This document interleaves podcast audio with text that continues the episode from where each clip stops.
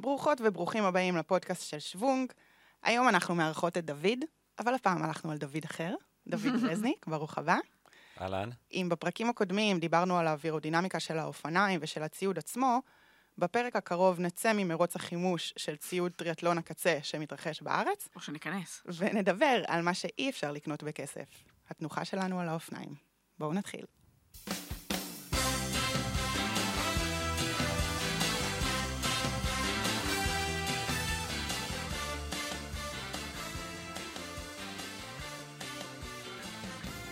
אז אה, ברוך הבא רזניק, אתה רוצה להציג את עצמך? אהלן, בוקר טוב. בא לספר. וואי וואי, זה רשימת תארים ארוכה, בגלל זה אני מעבירה את האחריות אליך. טוב, אז קודם כל, תמיד שואלים אותי מי אני, אז אני רוכב אופניים. אז uh, בהוויה, במי שאני, אני חי את האופניים uh, מגיל 13, 14 אפילו. בחלוקת שהתחלתי- עיתונים ברעות השרון. הופה, יפה, את מכירה את הסיפור, יפה מאוד. אז uh, התחלנו שם, uh, רוכב שטח, רוכב כביש, הייתי בכל מיני מסגרות, עד לרמה מקצוענית, uh, גם באופני ערים, אליפויות אירופה, גביע העולם, אליפות עולם. נפצעתי ב-2003, עברתי שני ניתוחים בברך, ואני חושב ששם באמת נחשפתי לעולם הפיזיותרפיה, שזה מה שהביא אותי אחרי זה להיות גם פיזיותרפיסט. אבל עשיתי סוויץ' אה, לכביש בגלל ששחזרו לי רצועות בברך. אה, אז המיקוד נהיה בכביש, ובעצם אה, הפכתי להיות מקצוען אה, פול טיים בכביש בקבוצה בלגית, שאיזשהו גלגול של אה, דוד המון לוטו, והיום לוטו בליסול וכולי. אה, וככה הייתי בעצם עד 2006, שלוש שנות מקצועניות, אה, כל המרוצים שאתן מכירות, פרי רובה, טור דה פלנדרס, הדברים האלה. אה, תוצאות לא היו דומות למה שהחבר'ה שלנו הישראלים עושים היום, אבל אז היה פורץ דרך, וככה בעצם נחשפתי לתחום התאמת האופניים. אה, ומשם התחלתי קצת לעסוק בזה, וכשפרשתי בעצם אה, עברתי ללימודים, חלק אקדמאי, תואר ראשון בפיזיותרפיה, אה, אחרי זה ישר לתואר שני בפיזיותרפיה. אה, במסגרתו ערכתי מחקר, שם ענבר טוענת שנפגשנו לראשונה. נכון. תכף אנחנו נדבר על זה. אנחנו נדבר על זה. אה, ואת האמת שעשיתי קצת הפסקה בלימודים אחרי התואר השני, כי הקמנו את הקליניקה שלנו, שנדבר על זה גם. אה, משפחה, ארבעה ילדים, החיים, אבל השנה חזרתי בעצם ללימודים והתחלתי בתואר שלישי, שהוא בעצם תואר מטעם ה-IOC, ה-International Olympic Committee, שהוא תואר ספציפי בפיזיותרפיה לספורטאים, ספורטאים אולימפיים. אז אה, משהו מאוד ממוקד, עשרה פיזיותרפיסטים מכל העולם, קיבלתי מלגה מלאה מהוועד האולימפי. אה, אז חזרנו ללימודים, איכשהו זה כל פעם אה, שואב אותי, ומאוד מאוד מעניין, וזה גם חלק מהדברים שנכניס היום בפודקאסט, אה, אולי מהלימודים. אז כן, רוכב אופניים, פיזיותרפיסט. הבאתי את תחום התאמת אופניים לארץ ב-2005, לא היה את זה אז. אה, עבדתי ככה עם אה, פלס ומד זווית ואיכות ומשקולת ודברים כאלה, נסעתי מבית לבית. עדיין לדעתי יש בשוונג אפילו איזושהי כתבה אי שם מאז, שרואים אותי עם קרוקס וארגז כלים. אה, ככה התחלנו, נסעתי. נסעתי לאנשים הביתה ועשינו את הדברים האלה עם trainer. אה, התקדמנו היום, היום יש כבר מעבדה וכלים מתקדמים, אולי הכי מתקדמים בעולם. אה, והיום אנחנו שם, אז אה, כן, זה מה שאני עושה. אגב, עדיין גם רוכב, עדיין נכון. מתחרה, אה, לא משחרר את הפודיום. אה, אני אומר שהעולם נחלק לשניים, באיפה שאני נמצא עכשיו, בגיל 41. זה ה-has been ו-wannabes. אני עדיין לא... לא סגור על עצמך. אני לא סגור על עצמי איפה, אז uh, ממשיך עם התארים. אהבתי מאוד. האמת שאני חושבת שזה נורא יפה דווקא, ואולי גם נדבר על זה באיזשהו פודקאסט. כאילו, האנשים שמסיימים איזושהי דרך מקצוענית, והאם הם מצליחים למצוא את עצמם בעולם החובבני. כי הרבה כן. מאוד זה כאילו... מאיגרא רמא כן, לבירה עמיקתא. כלומר, זה לא מצליחים למצוא את עצמם, שוב פעם מוצאים את האהבה ואת התחביב שבדבר. כלומר, אנחנו מגיעים מתחביב, הופכים להיות מקצוענים, לא אני, אתה, ברוך השם, אה, ולא מצליחים לחזור לתחביב. כן. לפעמים אחרי זה. אבל אה, בוא, קודם כל רציתי להגיד קצת איך אנחנו נפגשנו לראשונה. אני חייב להגיד לך... אתה לא זוכר את זה. אה, זהו, זהו, את הפתעת אותי עכשיו. כן, את חשבת... לזיכרון? לא, אני... כלומר, הכרתי אותך, ידעתי מי זה דוד רזניק, ואז אני זוכרת שהיה איזה מחקר שנפתח שעשית בדיוק את התזה שלך, בדיוק. ו... וח... וחברה אז מעולם הטריאטלון אה, עשתה אצלך, הייתה עוזרת מחקר שלך או משהו כזה, בדיוק. במסגרת הלימודים שלה, וחיפשו נסיינים, ואז אה, הגעתי כקוף מעבדה. עם האופניים שלי, אה, עושה שם trainer וזה, קופצת ממדרגה, ואתה בודק לי יציבות דרך הצוואר, כל מיני דברים כאלה נחמדים. נורא נורא התלהבתי, כאילו, לא מהמחקר, מדוד, מה- מהמקצוענות שלו, אה, והוא ככה מסתכל עליי מהצד ואומר, מה זה הדבר הזה? עכשיו, עכשיו, למה? כי יש לציין שאני נכנסתי לתחום הזה, אפרופו מרוץ החימוש, הייתי תפרנית ברמות, שאם היו משקשקים אותי, אולי היה יוצא איזה עשר... אולי. או איזה שני שקלים לקנות משהו בקנטינה, באמת. ולא, לא, ידי אינה הייתה משגת, ו... והאופניים שהיו לי היו מבחורה בקבוצת הריצה שלי, שחבל שהייתה פשוט גבוהה ממני בעשרה סנטימטר. כן, בדיוק. אז אני באה ככה על אופניים שגדולות ממני בשתי מידות, שאגב, רכבתי עליהם שנה ורכבתי לא רע, יש אוקיי, לציין. כאילו, אוקיי. פונדואים, עניינים, זה, מרוצים, גם מדי פעם לקחתי איזה משהו, אבל אה, עקום לחלוטין. אז אמרתי לי, את, תבואי אליי. ואז בהמשך קניתי אופניים משלי, מרידה אז.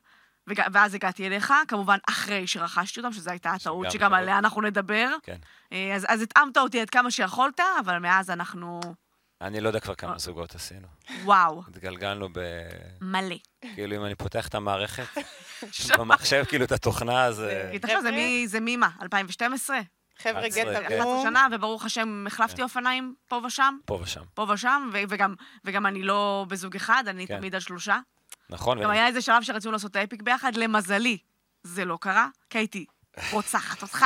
לא, לא, אני הייתי פשוט הורג אותך קודם, ואז רוצחת אותי. לא, באמת, זה היה מזל. בסדר, אז החלפנו תפקידים, שמעתי, את עושה את זה לאחרים, זה בסדר. נכון. חבר'ה, אני רוצה להגיד גט ערום עם כל הזוגות טוב, טוב. עושים ביחד פה. טוב, אז בואו ניכנס לדברים מקצועיים. אה, רגע לפני שאנחנו הולכים להפיל פה את אה, מגדל הקלפים שבנינו, על כל החשיבות ש... שאנחנו מקנים לציוד ביחס לתנוחה, שהיא אה, בלתי פרופורציונלית, אז אני רק רוצה לשתף בתגובה שקיבלתי מהפרק הקודם, שמאוד אהבתי, כי זה גרם לי לעשות כל מיני דיונים חנונים על וקטורים ומשפטי פיתגורס וכיווני רוח במסלול של איירון מנטלין. שאלו אותי כמה זמן הייתי חוסכת אם הייתי רוכבת עם בקבוקים אחוריים, במקום עם בקבוק על השלדה. יצא לי ארבע דקות. אוקיי. ועל כמה קנס הייתי חוטפת אם לא הייתי רוכבת עם גלגל דיסק, יצא לי 14 דקות. אז זה היה לי. יצאת ברווח. מעניינים. כן. ולמה לא בקבוק אה, באירובר? אה, היה, בקבוק. אה, היה בקבוק באירובר? אוקיי. ארבע, כן. אה, רזניק, אתה רוצה לספר לנו אז על המחקר שעשית במסגרת התואר השני? אה, כן, אפשר, אפשר להתחיל. ואיפה זה פוגש אותנו? זהו. אז אני חושב שישבתי בלימודים בתואר השני בקורס ביומכניקה, שזה ה baby שלי, כאילו, וקטורים, כוחות. שני ההורים שלי אה, פיזיקאים, מהנדסים, תחום של התעשיות ביטחוניות בכלל. נורא התאכזבו שהלכתי ללימודי פיזיותרפיה, אבל אז אה, הבינו באיזשהו שלב שזה ממש ממש דומה, שזה בעצם, זה פיזיקה זה הנדסה של גוף האדם. ואז בקורס אה, המרצה דיבר על אה, מחקר שעשו ביפן, על אה, אנשים שנופלים מסולמות ומקומות גבוהים שהם בזמן העבודה, וגילו שהשרירים בצוואר שלהם מאוד מאוד מתעייפים, וזה משבש את הרצפטורים, בעצם איזה שהם חיישנים שנמצאים בצוואר. אז אמרתי, רגע, אם הם פחות יציבים ונופלים, אולי זה קשור לזה שאנחנו יורדים מהאופניים בעצם, לא אנחנו, אתן, ורצים, רצות, אחרי הרכיבה, כי כשאני רץ אחרי הרכיבה יש הרבה בדיחות על זה, אני חושב שעשו איזה אימוג'י על זה גם, ו...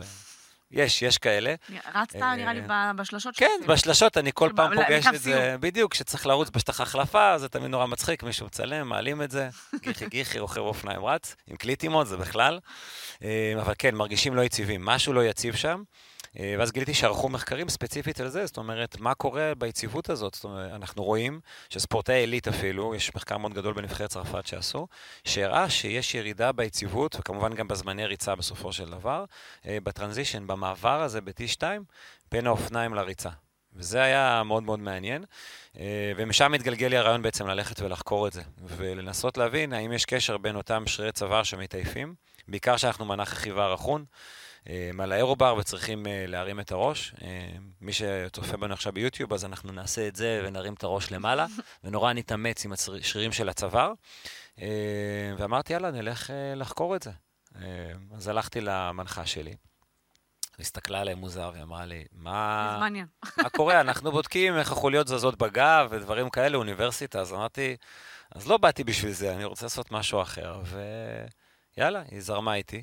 זה שהיא גם רוכבת אופניים זה גם עזר. וכן, משם התקדמנו ובעצם ערכנו את המחקר, אה, קצת האריך לי את התואר. ואם אנחנו מוצאים שאכן יש קשר ואכן יש בעיית יציבות, מה ההמלצות, אז קודם כל? אז קודם כל צריך להבין שאפשר לאמן את זה. אוקיי. אוקיי? אז אפשר לאמן את זה בשני אופנים. קודם כל, לחזק את שרירי הצוואר. כשאני אומר צוואר, זה גם את השכמות, או בעיקר את השכמות ופלג גוף העליון.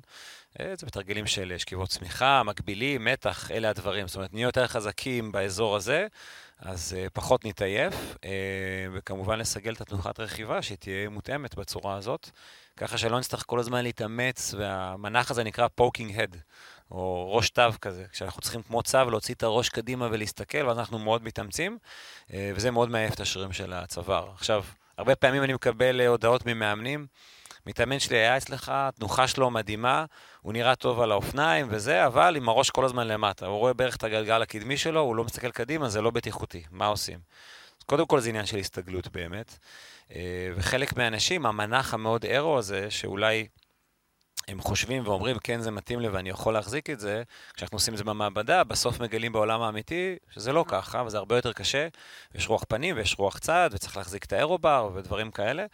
אה, ואז אנחנו עושים אדפטציות לזה. אני בדרך כלל תמיד משאיר איזשהו מרווח עבודה, ולא הולך על הקצה אם זה לא ספורטאי סופר תחרותי. אה, מישהו שרוצה, את יודעת, לעשות אה, סאב חמש באופניים, נגיד תחרות מישורית, למרות שהיום זה כבר לא כזה, זו לא כזאת מטרה. ארטילאית נקרא לזה, אבל רוב האנשים, כן, אנחנו נכוון אותם במקום הזה שכן נוכל להפשיר להם את המקום עם המנח הזה, וכמובן השילוב של הקסדה שדיברתם בפרק הקודם עליה, שהיא מאוד משמעותית. אה, אחד הדברים שהתמודדנו במחקר וגילינו אותו תוך כדי, זה שמנו סמן לייזר על הראש. ולמה שמו את הסמן לייזר? בשביל שתמיד אנחנו נהיה עם המבט באותה נקודה. כי ככל שהזווית של הראש משתנה, גם המרכז כובד משתנה והמשקל של הראש נכון, אה, משפיע מאוד. בדיוק. היה שם איזה לייזר. בדיוק, ואז אחרי זה בדיעבד, אחת המסקנות שלי הייתה שהיינו צריכים איכשהו לנרמל את הדבר הזה ולשים לכולם קסדה, את כן. אותה הקסדה ואז אותו משקל, ואת הסמן לייזר באמת ככה מקום קבוע, כי המשקל של הקסדה גם מאוד משמעותי. אז יכולה להיות קסדה מאוד אווירודינמית, שעלולה להיות לא מאובררת, גם על זה דיברתם כאן, אה, ועם משקל שמחולק, גם היא כבדה, אבל גם מחולק בצורה לא טובה, וזה גם מאוד יכול להשפיע בסוף. בסוף זה נורא מעניין בעניין הזה של המחקרים, שהרבה פעמים אנחנו מגלים ש...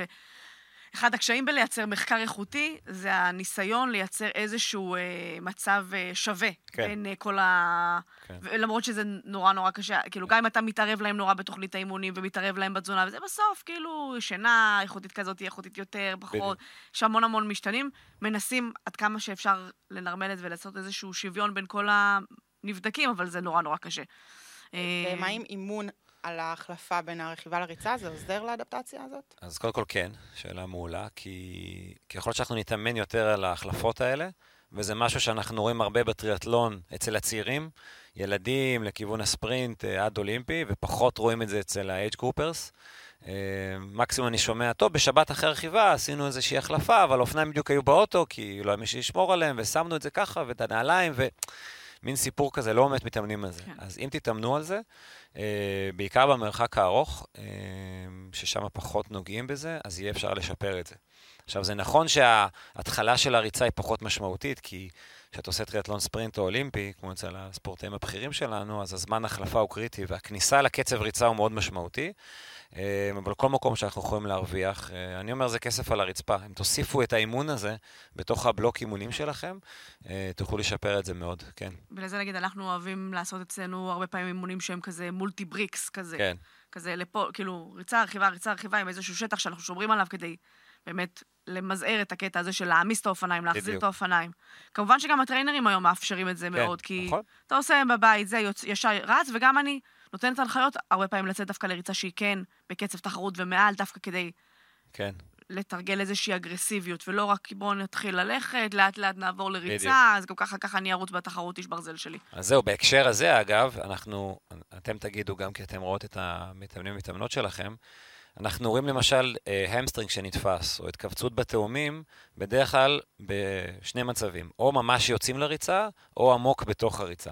עמוק בתוך הריצה זה בדרך כלל כי ה-IF גבוה מדי, תזונה למשל, חום, טמפרטורה, לחות, דברים כאלה. תחילת הריצה זה כמעט, כמעט, כמעט תמיד פוגש אותנו בגלל הנושא הזה של ההחלפה, שאנחנו לא מאומנים בזה, לא מספיק מיומנים, אה, או הרצון הזה להיכנס לתוך הקצב ריצה שהגדירו לנו, יש לנו את זה בטיפי כמה אני צריך לרוץ עכשיו, ומתחילים מהר מדי. והשינוי הנוירומסקולרי, אני לא יודעת כמה אנחנו הולכים להיכנס למונחים פה ו... לא, דווקא אפשר. כן? אז הקשר הזה בין העצב לשריר, או בין המערכת העצבית למערכת השרירית, אה, יש איזושהי אדפטציה, אוקיי? אנחנו מרגישים את זה שאנחנו שוחים וצריכים לרוץ. אה, ואנחנו צריכים להתיישר. אז אנשים חושבים, אה, זה רק עניין של אה, לחץ דם.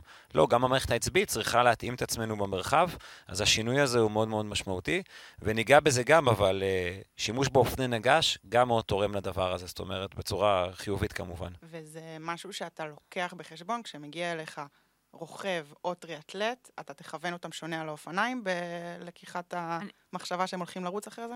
אני רוצה להגיד עוד משהו לפני זה. כן.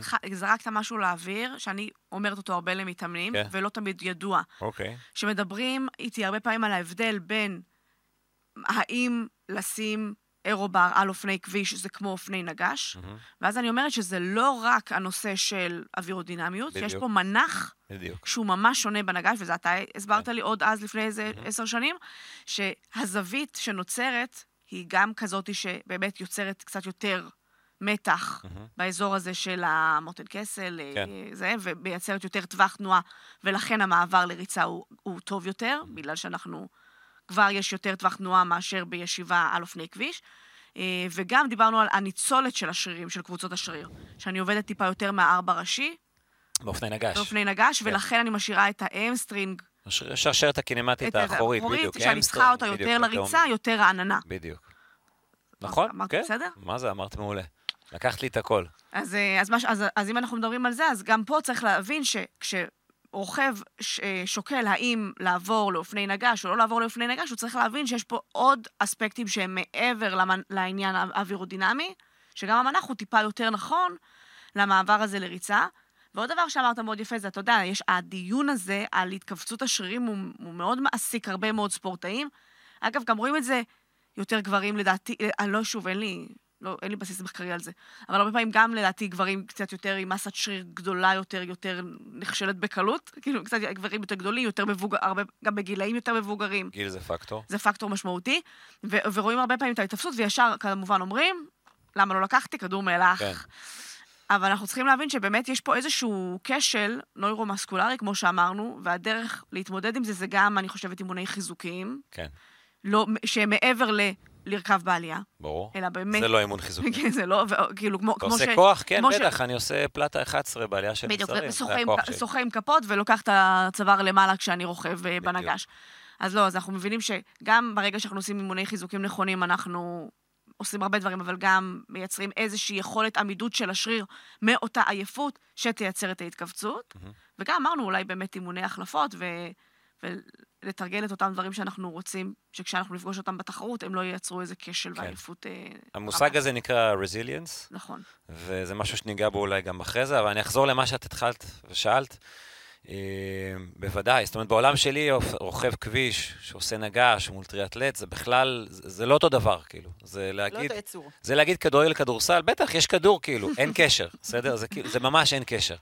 אגב, עד לפני, אפשר להגיד חמש, אפילו שש שנים, לא היה דבר כזה אופניים כמעט ללונג דיסטנס. זאת אומרת, כל האופני נגש, כל ההתאמות שעשינו אי שם עם הסרוולואים, אתה יודע, את הפי שלוש וכולי בזמנו, אה, היו אופני נגש שתכננו לטור דה פרנס, ג'ירו דה איטליה, ואז אנחנו עשינו אדפטציות, אני אומר, אנחנו הפיטרים, וזה בכל העולם, אני חבר בקהילה של פיטרים, קהילה יחסית מצומצמת, אה, של כמה עשרות פיטרים מכל העולם, שהם גם פיזיותרפיסטים, גם מתעסקים בתחום של התנועת אופניים. אין הרבה אנשים כאלה, מסתבר. אה, ואז כל הזמן דנים בשאלות האלה, ואז אנחנו ראינו את המעבר הזה של העולם הבין שאוקיי, יש פה קודם כל תעשייה. תעשייה זה כסף, ואז משקיעים ב-R&D ו- ומפתחים את האופניים האלה, אבל בהתחלה, ועדיין יש חברות כאלה שאין להם אופני long distance. זאת אומרת, זה אופני נגש שבאים לרכב עליהם 20-30 קילומטר, הכי מהר שאפשר, מתים אחרי זה, לא צריך לרוץ אחרי זה כמובן, בוודאי לא לעשות 90 או 180. לא אה, צריך לאכול תוך כדי... כל מיני לא, אני תנוחות חושבת כאלה. שעשיתי את האופ- בדיוק. את האולטרה שלי, מהמם. 270 קילומטר על אופניים שלדעתי תוכננו לספרינט. יש מצב. יש מצב, כן. אבל את אה, אה, זן מיוחד. לי- וסירבת לעצור. אין לי מה להגיד. אז כן, ההסתכלות היא שונה לגמרי, אה, והיום האופניים החדשים מאפשרים לנו מגוון של יתרונות. אז את אמרת, גם פתרונות של תזונה ושתייה ואחסון של כלים, אבל קודם כל בעיניי זה הביומכניקה לפני האווירודינמיות. אני יודע שהיללתם פה שני פרקים באמת על האווירודינמיות, ושמעתי את זה, ואני אומר, מגניב, אני יודע את המספרים, אני יכול להתווכח עם חלק מהם, כי הידע הזה, אגב, כל הזמן מתעדכן. כן. זאת אומרת, מספיק שאתה לוקח היום מחקר ומצטט אותו מלפני 4-5 שנים, אבל לא רלוונטי. הוא פחות רלוונטי, כן. זה כאילו ממש צריך אה, להיזהר עם זה. עכשיו במסגרת התואר השלישי הייתי צריך לכתוב איזושהי עבודה, והיינו צריכים לצטט מחקרים. אז ציטטנו, ואחת ההערות, מה זה הערות? הוציאו איזשהו מסמך גנרי, לא רק ספציפית אליך, אלא משהו לכל הסטודנטים. וזה היה, אם אתם מצטטים מאמרים שהם יותר מחמש שנים, אתם לא מבינים מה המגרש משחקים היום, אוקיי? אני לא מדבר על ה-AI כבר, אבל כי מחקר לוקח זמן לערוך אותו, לוקח זמן לעבד אותו ולפרסם אותו, אבל כאילו, חמש שנים זה כאילו, אוקיי, אנחנו, אה, אנחנו נמצאים שם, אה, היום זה רץ הרבה יותר מהר. כאילו, היום אני מסתכל על משהו לפני ארבע, חמש שנים, אני אומר, נו באמת, כאילו, יש פה דברים אחרים, כן. אז אה, האופניים של היום מאפשרים לנו הרבה דברים. את רוצה לצלול לזה, או שנסביר מה ההבדל בעצם בין כביש, כביש לטריאטלון? כן, אני חושבת שבואו נדבר על כמה אספקטים שבן אדם צריך לקחת בחשבון, שהם אולי מייצרים לו יותר מהירות, אבל הנזק גדול מהתועלת. כלומר, אבל הוא הולך להפסיד באו ריצה או ניצול, ש... ש... לא יודעת, בואו בוא נדבר על זה מהמקום הזה. מה, מה, המקום, אז, מה הנקודות אז, המרכזיות האלה? אוקיי, אז כאילו בואו בוא אני אסביר מה אנחנו עושים בכלל בקליניקה. אה, אז קודם כל, לא, לא אמרנו את זה, אבל אני שותף ובעלים של אה, קליניקת פיל, שאנחנו נמצאים בתל אביב. אה, שנה וחצי כבר, והגלגול הקודם היה וייס רזניק של מעל עשר שנים, שקובי וייס, פיזיותרפיסט ואני פתחנו. אה, נכנס לנו שותף חדש מעולם הטריאטלון, דני בנדרו, שהוא גם רוכב, טריאטלט, עשה טרנס אלפין וטריאטלון, והוא אמר פה... בעיקר עשה איתנו בליביניו, זה אחד נכון, הדברים נכון, שלו נכון, המרכזיים ברזומה. נכון, ואז חיברנו את הכל ביחד ושדרגנו את זה, שבעצם הקליניקה לפיזיותרפיה היא תמיד הייתה החלק העיקרי, וה baby שלי התאמת אופניים, חיברנו את זה, תמיד חיברנו את זה, ולקחנו את זה ל next level, אה, מהבחינה הזאת שאנחנו נותנים מגוון רחב של פתרונות היום למי שמגיע. ולמה אני מספר את זה? מעבר לזה שאני רוצה לפרסם את עצמנו ולהגיד תבואו אלינו, אוקיי, ברור. אה, אני רוצה שאנחנו נבין בעצם מה אנחנו עושים, או מה היתרון של מה שאנחנו עושים, כי הקושי הכי גדול זה למצוא את הקו המאוד מאוד דק הזה, שמאזן בין האווירודינמיות. זאת אומרת, מה המנח הכי אווירודינמי? קל לי מאוד לשים כל אחד במנח הכי אווירודינמי, בהינתן שהאופניים מאפשרים את זה טכנית, כן. אוקיי? האם אותו רוכב, רוכבת, הצליחו להחזיק את התנוחה הזאת? האם הם יהיו יעילים שם? ואיך יהיה המעבר לריצה? זה הקו המאוד מאוד דק הזה, שמאוד מאוד קשה לשים את האצבע עליו. אמ, כמה סיבות, הסיבה העיקרית היא שזה מאוד דינמי. זאת אומרת, זה גם פרסונלי, אבל גם דינמי. זה משתנה בין בן אדם לבן אדם. שזה גם אנשים לפעמים לא מבינים, אומרים, כן, בטח, עשיתי מדיטציה רזניק לפני עשר שנים, אתה לא טוב כאלה, אדם. בדיוק, כאלה. טוב ולרע. כאלה. אז פעם היינו אומרים, אם היית בחמש שנים האחרונות, לא צריך לעשות סקירה פיזיולוגית מחדש? היום אנחנו אומרים שלוש שנים אפילו, כי כן. אנשים משתנים, מטרות משתנות. אז גם בינינו יש הבדל, וגם אנחנו משתנים. אני תמיד מביא את המקצוענים כמקרה קצה מהבחינה הזאת, ואומר שאצל המקצוענים אנחנו עושים התאמת אופניים שלוש פעמים בשנה. זאת אומרת, בתחילת העונה, ממש בסוף הפגרה, כי הם התאמנו פחות, עלו במשקל, כמעט תמיד, אנחנו רוצים את זה, אגב, זה משהו טוב, חבר'ה, כן. כאילו, לעלות במשקל, זה טוב, זה כאילו לבסס את הבית, זה אחלה, משם אפשר לצאת לדרך. אחרי בלוק ראשון, שבדרך כלל שלושה חודשים של אימונים, מחנה אימונים וכולי, עושים עוד התאמה, כי ירדנו במשקל, התחזקנו, אה, ובדרך כלל פעם שלישית זה לפני תחרות מטרה. ואיך אנחנו מקבילים את זה לחובבנים? אז חובבנים, קודם כל יש לנו מגבלה ראשונה תקציבית. בהנחה שיש כבר את המודעות ואנשים מבינים, אז מגבלה תקציבית, אבל בדרך כלל אנחנו נרצה לעשות את זה פעם בשנה או פעם בעונה, אה, אבל אם החלפנו ציוד, אז החלפת ציוד. החלפת ציוד זה אופניים קודם כל, אה, זה יכול להיות שינויים באירובר, אה, החלפת נעליים יכולה גם להשפיע, החלפת תוקף, אלה בדרך כלל הדברים ככה שהם משמעותיים יותר, וכמובן, אם לא עלינו מישהו נפצע, קרה משהו, איזושהי פציעה, זה גם משנה את הביומכניקה שלנו. או לחילופין, מי שהתחיל לעשות יוגה ופילאטיס, את האימונים שלך בזום. פתאום נפתח לו קצת טווח תנועה. בדיוק, יש לו יותר טווח תנועה, אז הוא יכול לשבת יותר טוב, וזה החלק הכי מעניין. משהו שאני לפני עשר שנים לא ידעתי אותו, והניסיון הביא את זה. אני מגלה שעם השנים אנשים מתחילים בתנוחה מאוד מאוד נוחה, נקרא לזה, אוקיי? פחות אווירודינמית, ומה שהיה נוח פתאום אחרי שנה, כבר לא נוח. כאילו אומרים, אני מרגיש שאני רוצה ללכת יותר קדימה, הידיים שלי בורחות מהאירובר.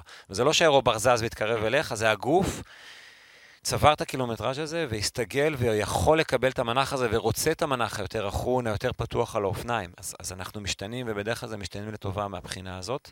אז uh, כן, אני אומר, פעם בשנה, פעם בעונה, לפני מטרות גדולות. אגב, גם לא קרוב מדי. זאת אומרת, לא סמוך מדי.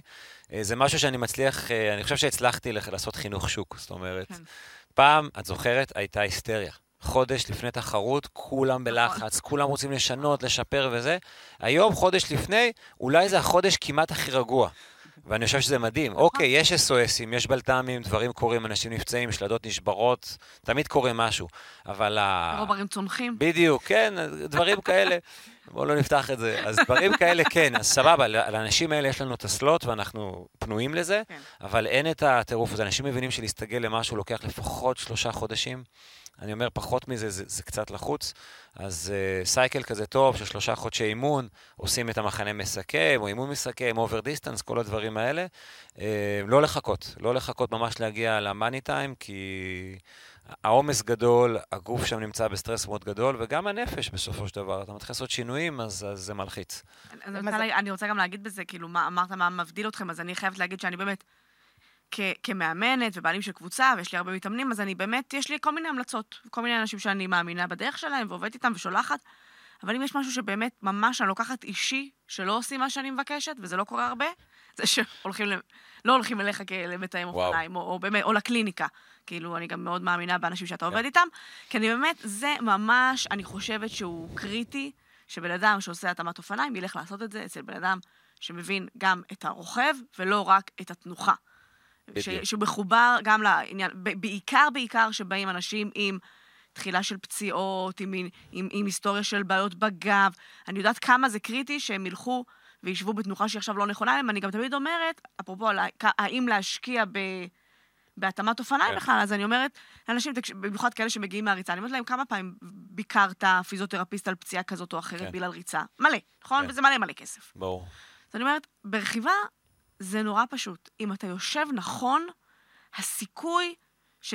שתהיה לך פציעת overuse, אני לא כן. מדברת כן. על פציעות קריטיות של החלקת, ברור. שזה משהו אחר, אבל הפציע, הסיכוי לפציעה הוא מאוד מאוד נמוך. כן. כלומר, אתה נותן, עושה איזושהי השקעה, שגם אם היא נראית לך גדולה, זה כלום יחסית לכמות הטיפולים שתצטרך, אם יהיה לך כאב באגן, או בעיה בברך, או משהו בשכמ... כאילו בשכמות. כן. והזמן, ועוגמת נפש. בדיוק, בדיוק. כאילו, כי אנחנו הרי מכירים את זה שלפני מעשה אנחנו מוכנים להשקיע נורא מעט, כן. אחרי פציעה, וואו. תקשיבי, כשאנשים פצועים והם רגע לפני תחרות, וואו, וואו. תגיד לי, אני אבוא שלוש פעמים בשבוע, איזה תרגילים שאתה רוצה, הכל, מה שצריך וזה. אה, זה לא נכון, זה לא נכון, גם לגוף יש איזשהו זמן קצב משלו, או זמן החלמה משלו.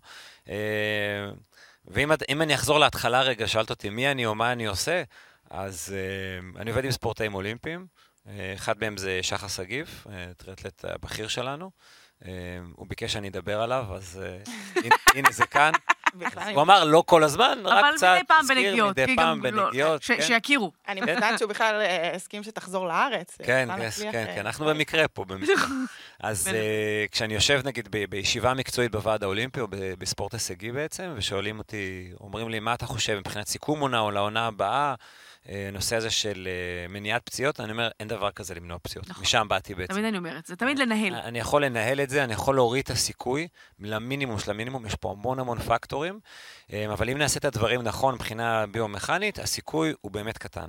הכל יכול לקרות, אבל הסיכוי באמת קטן, אה, ובסוף אנחנו צריכים אה, לנהל את זה. אז למצוא את הבלנס הזה, אם יהיה לנו זמן, לא נראה לי היום גם ניגע בריצה, אבל אה, למצוא את הזמן הזה, את הבלנס הזה, סליחה, בתנוחת רכיבה בין הנוחות, היעילות והאווירודינמיות, זה, אני חושב שזה craft, אין, אין, אין, אין מילה טובה, נכון? בעברית ל craft. זה לא אומנות, נכון? כן, וזה לא כן. קוסמות, זה מין איזשהו משהו שהוא... מלאכת... אה... זה משהו שאתה צובר אותו עם, עם המון ידע כן. מקצועי והמון המון ניסיון, ואתה מחבר את הדברים האלה ביחד. אה, בגלל זה הדאטה שאנחנו מקבלים מהמערכת הוא, הוא המון דאטה, המון המון דאטה מהמערכת. אני עובד עם מערכת לניתוח תנועה בתלת מימד. והכמות דאטה היא מטורפת. רוב האנשים, שאתה מראה להם את המספרים, זה כזה מין עיני עגל, מה אתה רוצה ממני עכשיו? אני גם על האופניים, אני גם מתאמץ, אתה נותן לי הנחיות, אתה מסביר לי, מראה לי מלא מספרים. מה עושים מזה? בואו תזקק את זה רגע.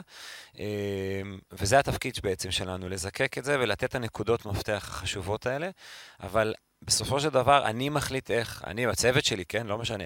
אני עובד היום עם אסף ודניאל שעובדים אצלי בקליניקה, אז אני לימדתי אותם גם איך לבוא ולהגיד, אוקיי, ככה צריך לשבת כי זה הכי יעיל עכשיו מבחינתך, כי זה הכי נכון, כי בהתחשב בפציעה הזאת, לתקופת זמן הקרובה זה הכי נכון. זאת אומרת, המערכת לא תגיד לנו מה אופטימלי, אלא תיתן תמונת מצב ואיפה אנחנו נמצאים בנקודת זמן הזאת, או בחדשים הקרובים או בעונה הקרובה, שם אנחנו נוכל לשים אותך. אה, אם את רוצה, נסלול עכשיו, נועה, לתוך כל הנושא הזה של הביומכניקה בעצם, ונבין איפה, כאילו, מה הבלנס הזה בין האווירודינמיות? כי דיברתם על כסף וואטים, אבל אם אני שואל אתכן, מה היחס בין הציוד והאווירודינמיות של הציוד, אוקיי, לבין התנוחה של הרוכב והגוף שלו, מה אתם הייתם אומרות? 80 אחוז לרוכב. מה את אומרת? גם כן אותו דבר. קודם כל זה יפה. מה, אני לא התכוננתי לפרק? מה אתה חושב? אוקיי, יפה, אז זה לא טוב. היינו צריכים להעלות שאלה כזאת לבית, כן. בדרך כלל בהרצאות, מה שאני מקבל, זה אומרים לי 50-50. 60-40, 50-50, כן, לטובת הציוד. זאת אומרת, אנשים שמים המון המון משקל על הציוד, כאילו, הציוד האווירודינמי וזה. ואני חושב שזאת בעיה, כי אז גם הספורט הזה, שזה הספורט שלכן בעיקר, אני, אני גם חי ממנו, כן? נתפס קצת כאליטיסטי, כאילו משהו שצריך המון כסף להשקיע, ווואלה, עשיתם פרק שלם על כמה עולה שבעה ואט, כאילו. אני שומע את זה לפעמים, אני מגחך, כי... אומר, מה, מה קורה איתכם? יש כל כך הרבה דברים שאפשר לעשות לפני זה. לא, למרות אז- שאני גם תמיד אומרת שבסוף אני את התחרויות הראשונות שלי עשיתי ב- בציוד כן. הכי לא, כאילו חוץ מהעובדה שהאופניים היו נגש, שום דבר אווירודינמי לא היה שם. כלום, כלום, כלום, באמת, הגלגלים הכי בסיסיים... והתחרית שיש- כמה פעמים בחו"ל כבר? ש- חמש? וכמה אופניים ראית בשטחי החלפה. שהם לא high-end, וזה, היחס נכון. שם הוא... הוא- לא, כשאתה מגיע לאירופה ואתה רואה את אבל אני זה, מדברת זה על עצמי מדהים. ועל- הישגים בכל זאת שהצלחתי להשיג.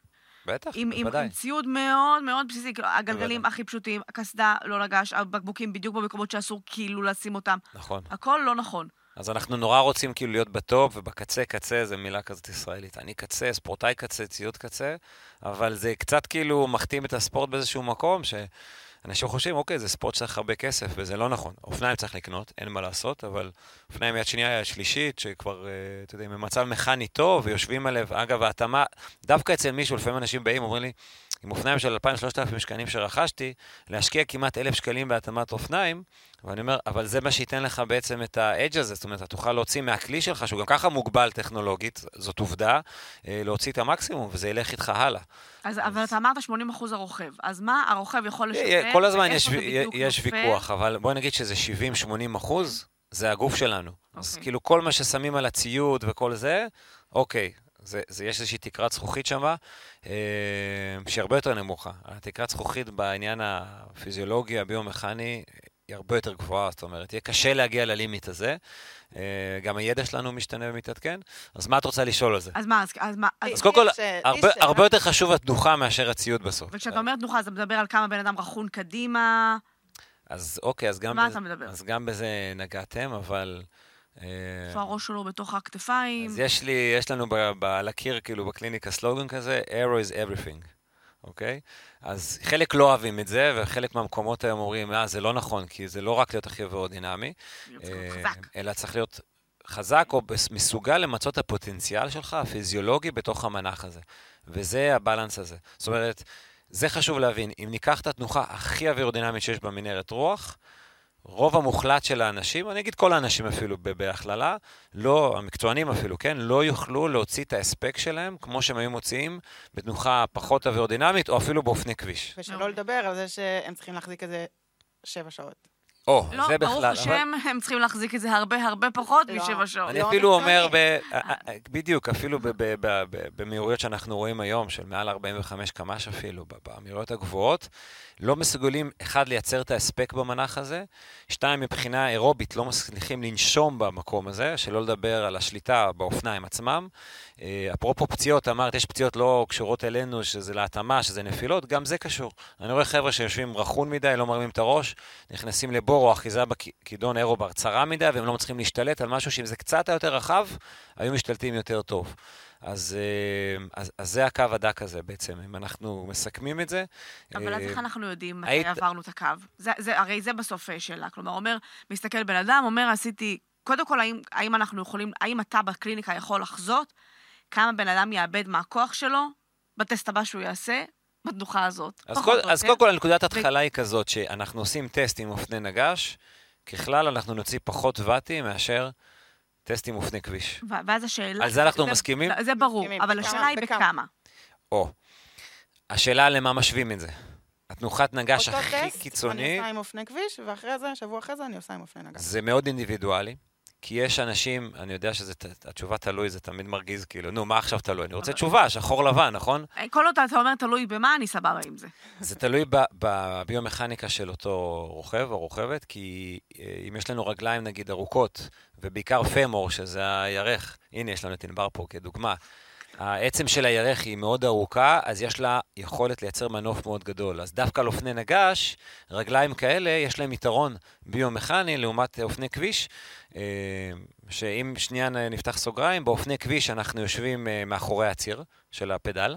זאת אומרת, אנחנו באים בדיווש שהוא יותר מאחור, ובאופני נגש אנחנו נמצאים הרבה יותר על הציר, זאת אומרת, אנחנו דוחפים ממש על הציר של הפדל.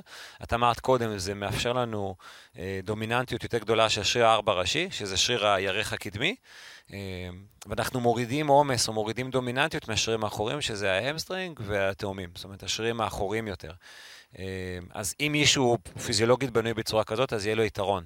אבל אם אנחנו ככה, את אומרת, כביש אה, מול נגש, זה בדרך כלל סדר גודל של בין 8 ל-10 אחוז הבדל. Mm-hmm. וזה המון. נכון.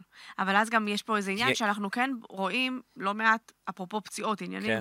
ודברים שגורמים לזה, שיש הרבה אנשים לא מאוזנים. Mm-hmm. כלומר, שבאמת דווקא אצלהם, נגיד, הגלוטאוס משמעותית יותר חזק מה, מהארבע ראשי. בדיוק. או שהארבע ראשי יותר חזק מה... אז גם פה התנוחה תשפיע עליהם אחרת. אז יפה, אז את אמרת איך אנחנו יכולים uh, לחזות, אז חיזוי זה... מילה גדולה. זו מילה גדולה, כן. אבל כשאת מגיעה להתאמת אופניים אצלנו, החלק הראשון שאנחנו עושים זה בכלל ראיון. אנשים באים כבר רוצים להתלבש, לשים נעליים, לא, לא, רגע, קודם כל מראיינים. לא, קודם כל. זה לוקח 20 דקות, חצי שעה של ראיון היכרות בכלל. להבין מי אתה, הרקע שלך, אופי הרכיבות, רקע פיזיולוגי, רקע ספורטיבי, להבין uh, פציעות. פציעות עבר, פציעות נוכחיות, מה מפריע לך היום על האופניים, אה, ולהגדיר מטרות. אמרנו, כביש, שטח, נגש, נגש ספרינט, אולימפי, long distance, זה שונה, רוכב אופניים לטריאטלט. סיימנו את החלק הזה, עברנו לבדיקה פיזיקלית. זה בעצם איזושהי סקירה אורתופדית, שבסקירה הזאת אנחנו עוברים על כל הגוף. פלג גוף עליון, פלג גוף תחתון, גמישות, טווחי תנועה, mobility, אה, מבדקי כוח, רוצים, רוצים לראות בעצם כמה כוח יש לכם או איפה אתם חלשים, אה, ואז לוקחים את כל המידע הזה שלקחנו, פלוס המידות גוף כמובן שאנחנו מתעדים, ובעצם עושים איזושהי סכימה של הדבר הזה, ומשם יכולים להגיד איזו תנוחת רכיבה תוכל בעצם להתאים. בלי המידע הזה, רק לבוא ולהגיד, אני יושב כמו, מי את רוצה לשבת? אה, לוסי צ'ארס. אוקיי, יפה, אנשים כאלה. אנשים היו אומרים פעם קנצ'לרה, היום זה פיליפו גאנה. אתה לא תשב, את לא תשבי ככה. את כן. לא בן. את לא. לא. את לא תוכלי לשבת ככה, כי במנח הזה את פשוט תהיי לא יעילה, או שאת תיפצעי. אז מה... שלא לדבר על זה שקניון לא נותנים לי חסות, ומתאימים לי את האירובר, לפי הזוויות של המרפקים שלי. אז על פי המידע הזה שאספנו בהתחלה, טווחי תנועה, הגמישות, ולהבין מי הבן אדם בעצם, ככה אנחנו בונים את התנוחה, ושם אנחנו מוצאים את ה... באמת את הנקודת איזון הזאת, ואמרתי עוד פעם, זה דינמי. כי אם הדברים האלה משתנים בחלק הראשון והשני של הרעיון והבדיקה, אז גם התנוחה תשתנה בהתאם. עכשיו, יש מקום שבו יבוא אליך רוכב ותגיד לו, תקשיב, מה שאתה תרוויח עם נגש, עם חוסר הגמישות שלך, וחוסר היכולת שלך להיכנס לתנוחה מספיק אווירודינמית, אל מול מה שאתה תאבד בוואטים, לא שווה לך. או שזה כמעט ולא יקרה. זה כמעט... או שכמעט ולרוב כן שווה ללכת על נגש. זה כמעט ולא יקרה, זאת אומרת, לרוב כן מומלץ ללכת על אופני נגש. אני כן מכניס את העניין הזה של איזושהי פציעה, נגיד פציעה חמורה זה פציעת גב, איזשהו רקע של גב תחתון, אה, פריצות דיסק או צוואר, בוודאי. אז שם אולי אנחנו ניזהר עם זה, למרות שיש גם היום פתרונות מבחינה הזאת. אה, עוד פקטור זה שליטה באופניים. נכון. כמה, כמה זה נגיד, אני יודעת דבר שאני, הרוכב והרוכבת מיומנים. מגיע לי חודש ראשון. איך אני יודע? רק מהראיון. זה חייב לבוא מהראיון. אבל זה גם בסוף, במיוחד גם, גם אם יש מאמן ששולח אותו, זה גם יכול לעזור. כלומר, אני הרבה פעמים אגיד לבן אדם, תמתין, תעשה תחרות שתיים, שום אז... דבר לא בורח, אתה עדיין... אז היום אנחנו מוצאים את עצמנו בקליניקה, עושים שנייה טלפון או וואטסאפ אה, למאמן, אומרים, אני חייב להתייעץ, כי משהו לא מרגיש לי נכון, זה לא נראה לי, ואם אנחנו הולכים למקום הזה של, באת להתייעץ איתנו עכשיו על לגבי איזה אופניים את צריכה, שזה הדבר המושלם מבחינתי, להגיע בכלל לפני שרוכשים את האופניים, ואת רוצה נגש, וחשבת על נגש, וכולם המליצו לך נגש, זה לא הזמן בשבילך. שנה ראשונה בואי תעשי את זה. בכלל אני חושב שאיש ברזל ראשון אפשר לעשות עם אופני כביש, עם אירובר, עד כמה שאני לא אוהב את השילוב הזה, אבל מבחינת שליטה ותחושה על האופניים והרגשה, איך שהם מרגישים, מבחינת הביטחון והמסורבלות של הבקבוקים וכל הדברים האלה, אופני כביש עם אירובר, זה לא פתרון רע. נכון. ענבר עושה לי פרצוף פה קצת, אבל... כן, אני זה אה, תמיד היה מבחינתי נו נו. זה נראה לי ש... אני לא... סו- אני- נראה לי מין שבעינו אני- מינו, אבל... שעטנז, אני לא סובל את זה, שרוצים אירובר על אופני כביש, אה, אבל יש הרבה. אנשים, את את רואה את. הפלטון, לא שולטים באופניים. נכון. אז מה הם יעשו באימוני פלטון? אין להם עוד זוג, יש להם זוג אחד נכון. עכשיו. מה הם אני, יעשו? אני עשיתי שבע? תחרויות אה, חצי איש ברזל ראשונות עם אופני כביש עם אירובר, ושרדתי לספר. לא, חד משמעית, אני לא אומרת ש... אפשר, אפשר לעשות את זה, ואז, אז כן, אז איך אנחנו עושים את זה? גם מתייעצים עם המאמנים. אז האמת בדיוק. שיש לי ככה שתי שאלות שהגיעו מהמאזינים, שממש מרימות לך להנחתה בנושא הזה. רגע, כן, לא אמרנו מה ההבדל בין האופני כביש נגש והאופני long distance, כי זה כי זה נכון. חשוב, חשוב. חשוב לגעת בזה. האופני נגש, אמרנו, יותר אווירודינמיים בפרופיל שלהם, זאת אומרת, לוקחים אופניים בלי רוכב בתוך מנהרת רוח, כביש או נגש, אופני נגש הרבה יותר אווירודינמיים. זה כולם מסכימים, זה ברור. החיסכון יכול להיות בין 40 ל-60 ואט, רק על האופניים, על הציוד, זה מלא, אוקיי? אז ה... זה ההבדל הראשון. אבל ההבדל השני זה התנוחה, ואת אמרת את זה בהתחלה ענבר.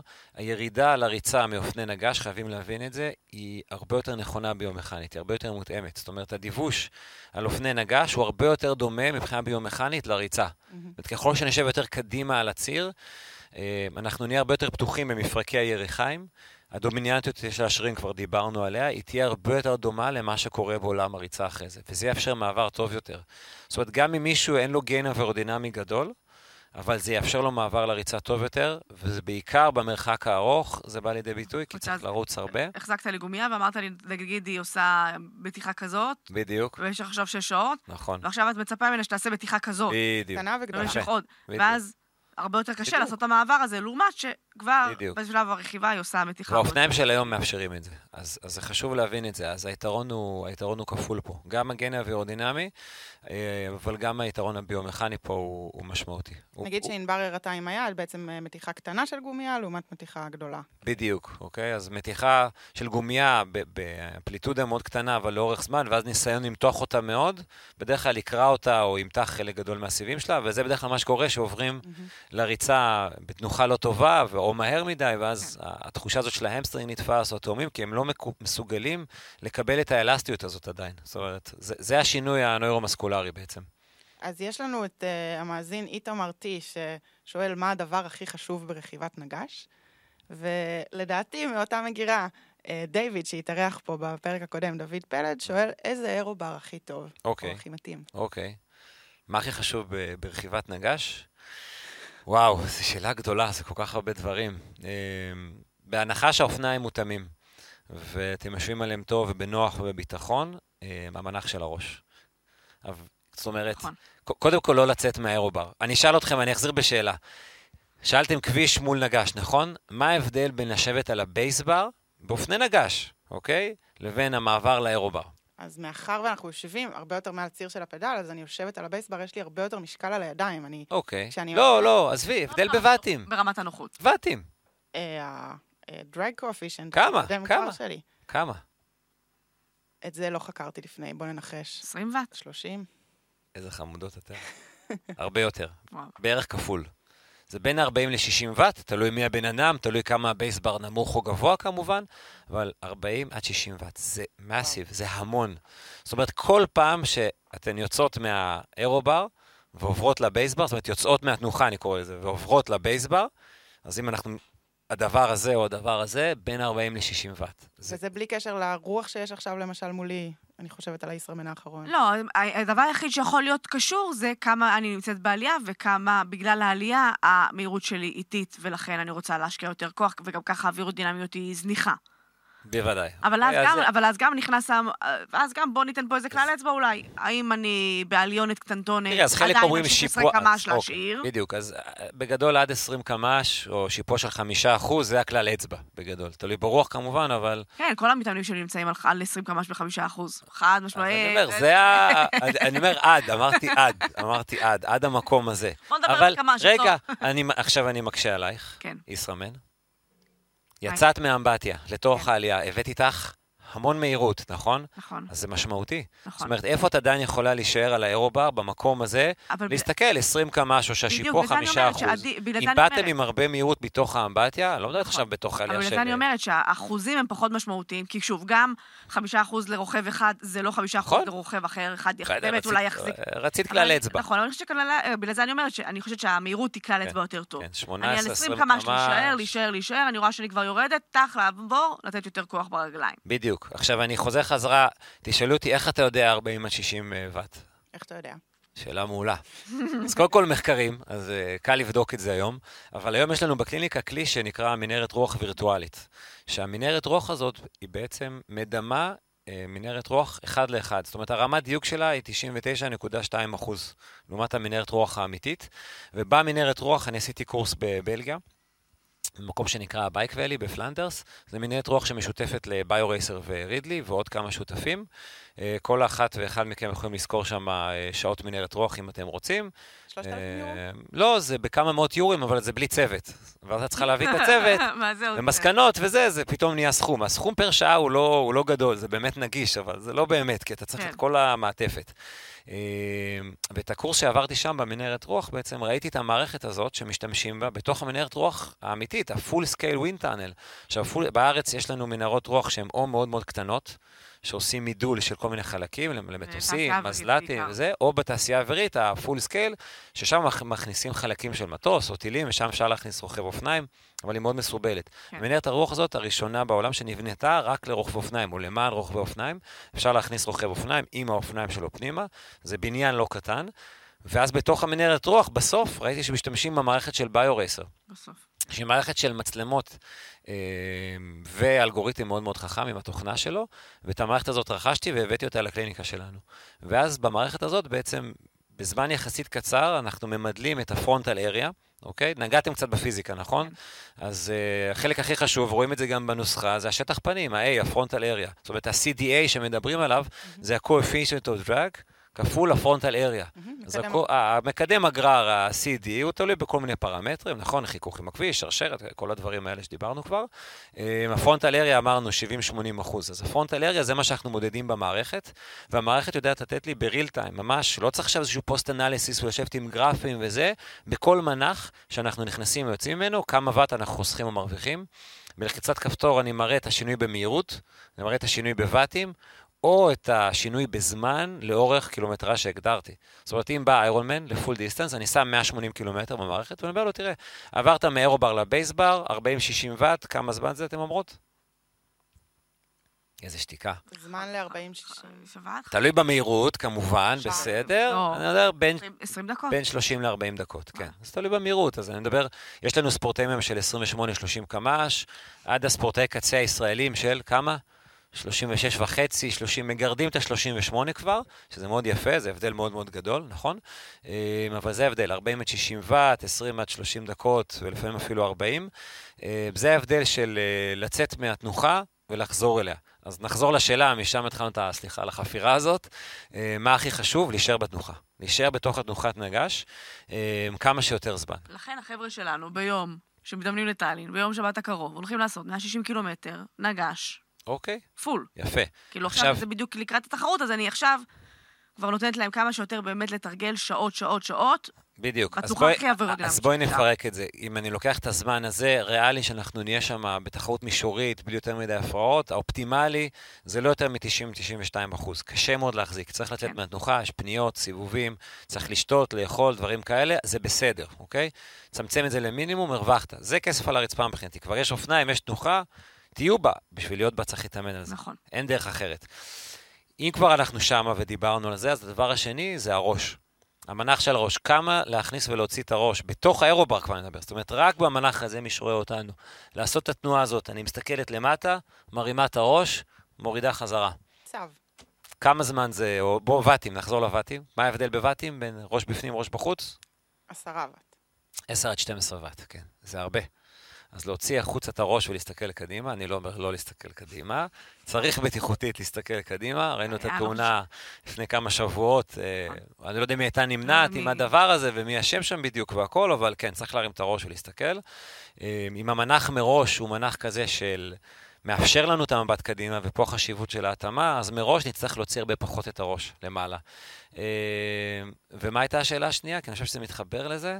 השאלה השנייה הייתה, איזה אירובר? זהו, לגבי הציוד, אז, אז אה, אה, אני, אני חושב שזה מתחבר לזה מאוד מאוד טוב, כי אירובר שהוא מותאם לנו, אה, גם מבחינת שהכלי עצמו, האירובר עצמו, מכנית מתאים לנו, וגם שהתנוחה מאפשרת את זה, ייתן לנו את האפשרות להוציא את הראש מתוך המנח הזה כמה שפחות. כן, מה שאני חושבת זה, אין תשובה אבסולוטית. אין, לא תגיד לי עכשיו, נכון, אה, נכון. מותג X, זה נכון, ה aerobar הכי. אבל יש תנוחה שהיום אנחנו נראה אותה הרבה יותר, שהיא מאוד מאוד זוויתית, נכון? שהיא מאוד מאוד, ה aerobar ממש פונה כלפי מעלה במין תנוחת זווית כזאת. ה praying אה, mantis, כן. הגמל שלמה. כן, זה סוג של גמל שלמה כזה, בדיוק, זה המונח. אה, שאם נסתכל על תמונה של גמל שלמה, אה, אז אנחנו נראה מין, כן, משהו כזה ועולה למעלה. עכשיו, פעם זה היה, מה זה פעם? לפני 8-10 שנים זה היה big no no, כאילו, מה פתאום? ברור למה. ה aerobar צריך להיות ישר כמה שיותר, ולא לתת לו אפילו, לא הייתה אפשרות לתת זווית, אוקיי? אה, והיה אחד פלויד לנדיס, שהשם שלו מוכר בהקשר אחר פחות, פחות פוזיטיבי של דופינג, אבל הוא אחד הראשונים שאימץ את התנוחה הזאת, וממש הביא את הזווית כלפי מעלה. ו- ומה הרעיון בעצם? דיברתם על זה קצת או שלא? אני מניחה שזה מגיע ממקום הבקבוק בחליפה, לא? עכשיו יש את הטרנד הזה, כן, של אז בקבוק אולי חל- לייצר חליפה, איזושהי אטימה של אבל המעבר בסופו של רוח. דבר, איפה המצלמה? יש לך... וגם? לה- וגם זה יש של הצוואר, לא? אז זהו, אז הדבר הראשון זה הצוואר, שנורא קל. להוריד את הראש, אבל דבר שני זה שהבייסבר, כן. האירובר, סליחה, עם הקרניים המאוד מאוד גבוהות שלו היום, ממש חוסם לנו את הרוח, אנחנו ממש מסתירים את הראש בתוך האירובר, ורק מדי פעם מציצים החוצה. ודבר שלישי, זה אם אנחנו מסתכלים פה מול המצלמה, אז הדבר הזה מאוד סוגר את הפרונטל אריה, הוא מאוד מקטין את השטח פנים. נכון. בסדר? ואת כמה האוויר נכנס ועושה גם מערבולות באזור הזה. אז, אז, להיות גם על שלמה. היינו צריכים כאילו באמת אה, אירובר עם קאסטום, לפתוח סוגריים בנגש של אופניים, וטריאטלון אולימפי, שהיום כבר אסור אפילו אירובר, זה היה ככה, אבל בנגש אופניים יש מגבלות מאוד חמורות, כולל בוולודרום. יש זווית מסוימת שאסור לעבור, אה, בטריאטלון איירון מן. לפי חוקי ה-UCI אסור לעשות את תנוחת הגמל שלמה, אסור לעבור 30-35 מעלות, מה שלא תקף עלינו ב Ironman. אה, בטח, חובבני. אלא אם כן אנחנו באים למכבייה והולכים לה- לה- להתחרות בקטע נגש, ואז בדיוק, אנחנו משנים אבל זה. היופי, כי ב long distance. ב Iron Man, PTO, אין מגבלות, תעשו מה שאתם רוצים, מה שאתם רוצות.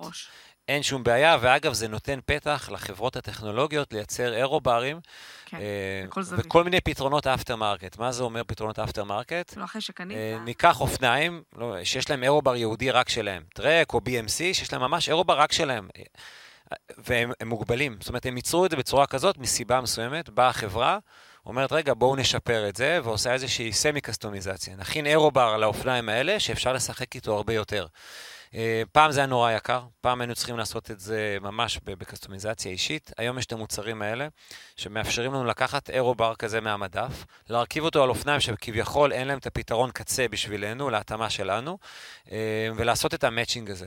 והדבר הזה היום לא בעלויות מטורפות, אוקיי? זאת אומרת, אם אתם רוצים להשקיע עכשיו, אה, בוא נגיד, 1,000-1,200 דולר, שזה סכום לא מבוטל, אוקיי? אבל במה לשים אותו, אז אמרנו קסדה, נכון? גלגלים, כאילו מבחינת ההיררכיה, שימו אותו על אירובר כזה, זה ישנה לכם את כל עולם הרכיבה. כי זה יאפשר לכם שני דברים. אחד, לסגור את הפרונטל אריה, שזה הדבר הכי חשוב, אמרנו, 70-80 אחוז מהגרר שלנו הולך על הדבר הזה. ודבר שני, יאפשר לנו להישאר בתנוחה הזאת לאורך זמן.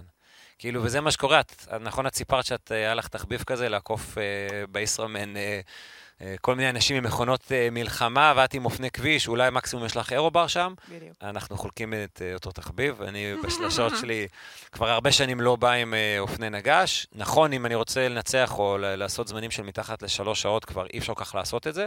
בעבר זה היה יותר קל, אני חושב שאנחנו היינו על הפודיום, נכון. הייתי עם אופני כביש כבר, אולי אפילו בלי אירובר, אבל זה אפשר לי שליטה מאוד טובה באופניים. אז הבסיס שלי טוב בתור רוכב אופניים, אבל הייתי עוקף רוכבים, כי הם פשוט לא יהיו על האירובר, הם החזיקו את הבייסבר בירידות, וזה עדיין קורה. הם לא השתמשו באירובר. אז אם יש לכם אירובר ואתם לא משתמשים, או קניתם אופני נגש ב-20, 30, 40 אלף שקל, אפילו צפונה היום, ואתם לא משתמשים באירובר חבל, את ה-70-80% חבל על הכסף. מהזמן, בשביל מה סחבתם אותם בישראמן בעלייה?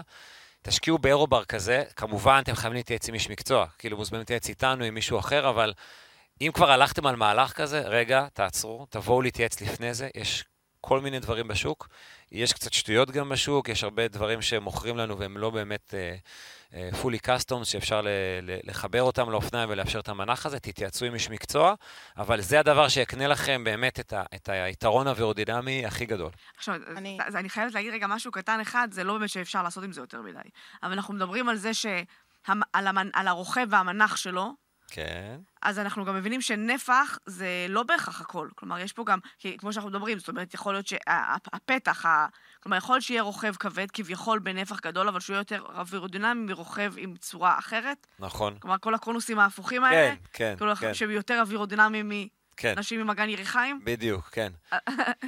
זה- את לא צודקת, שיש אבל... זהו, לא בדיוק, אין הרבה, כרגע, אין הרבה אבל- מה לעשות עם זה, אבל... אבל אה, כאילו, כן, לפעמים אנחנו, אני מסתכלת על בן אדם, ואני אומרת, אנחנו במישור.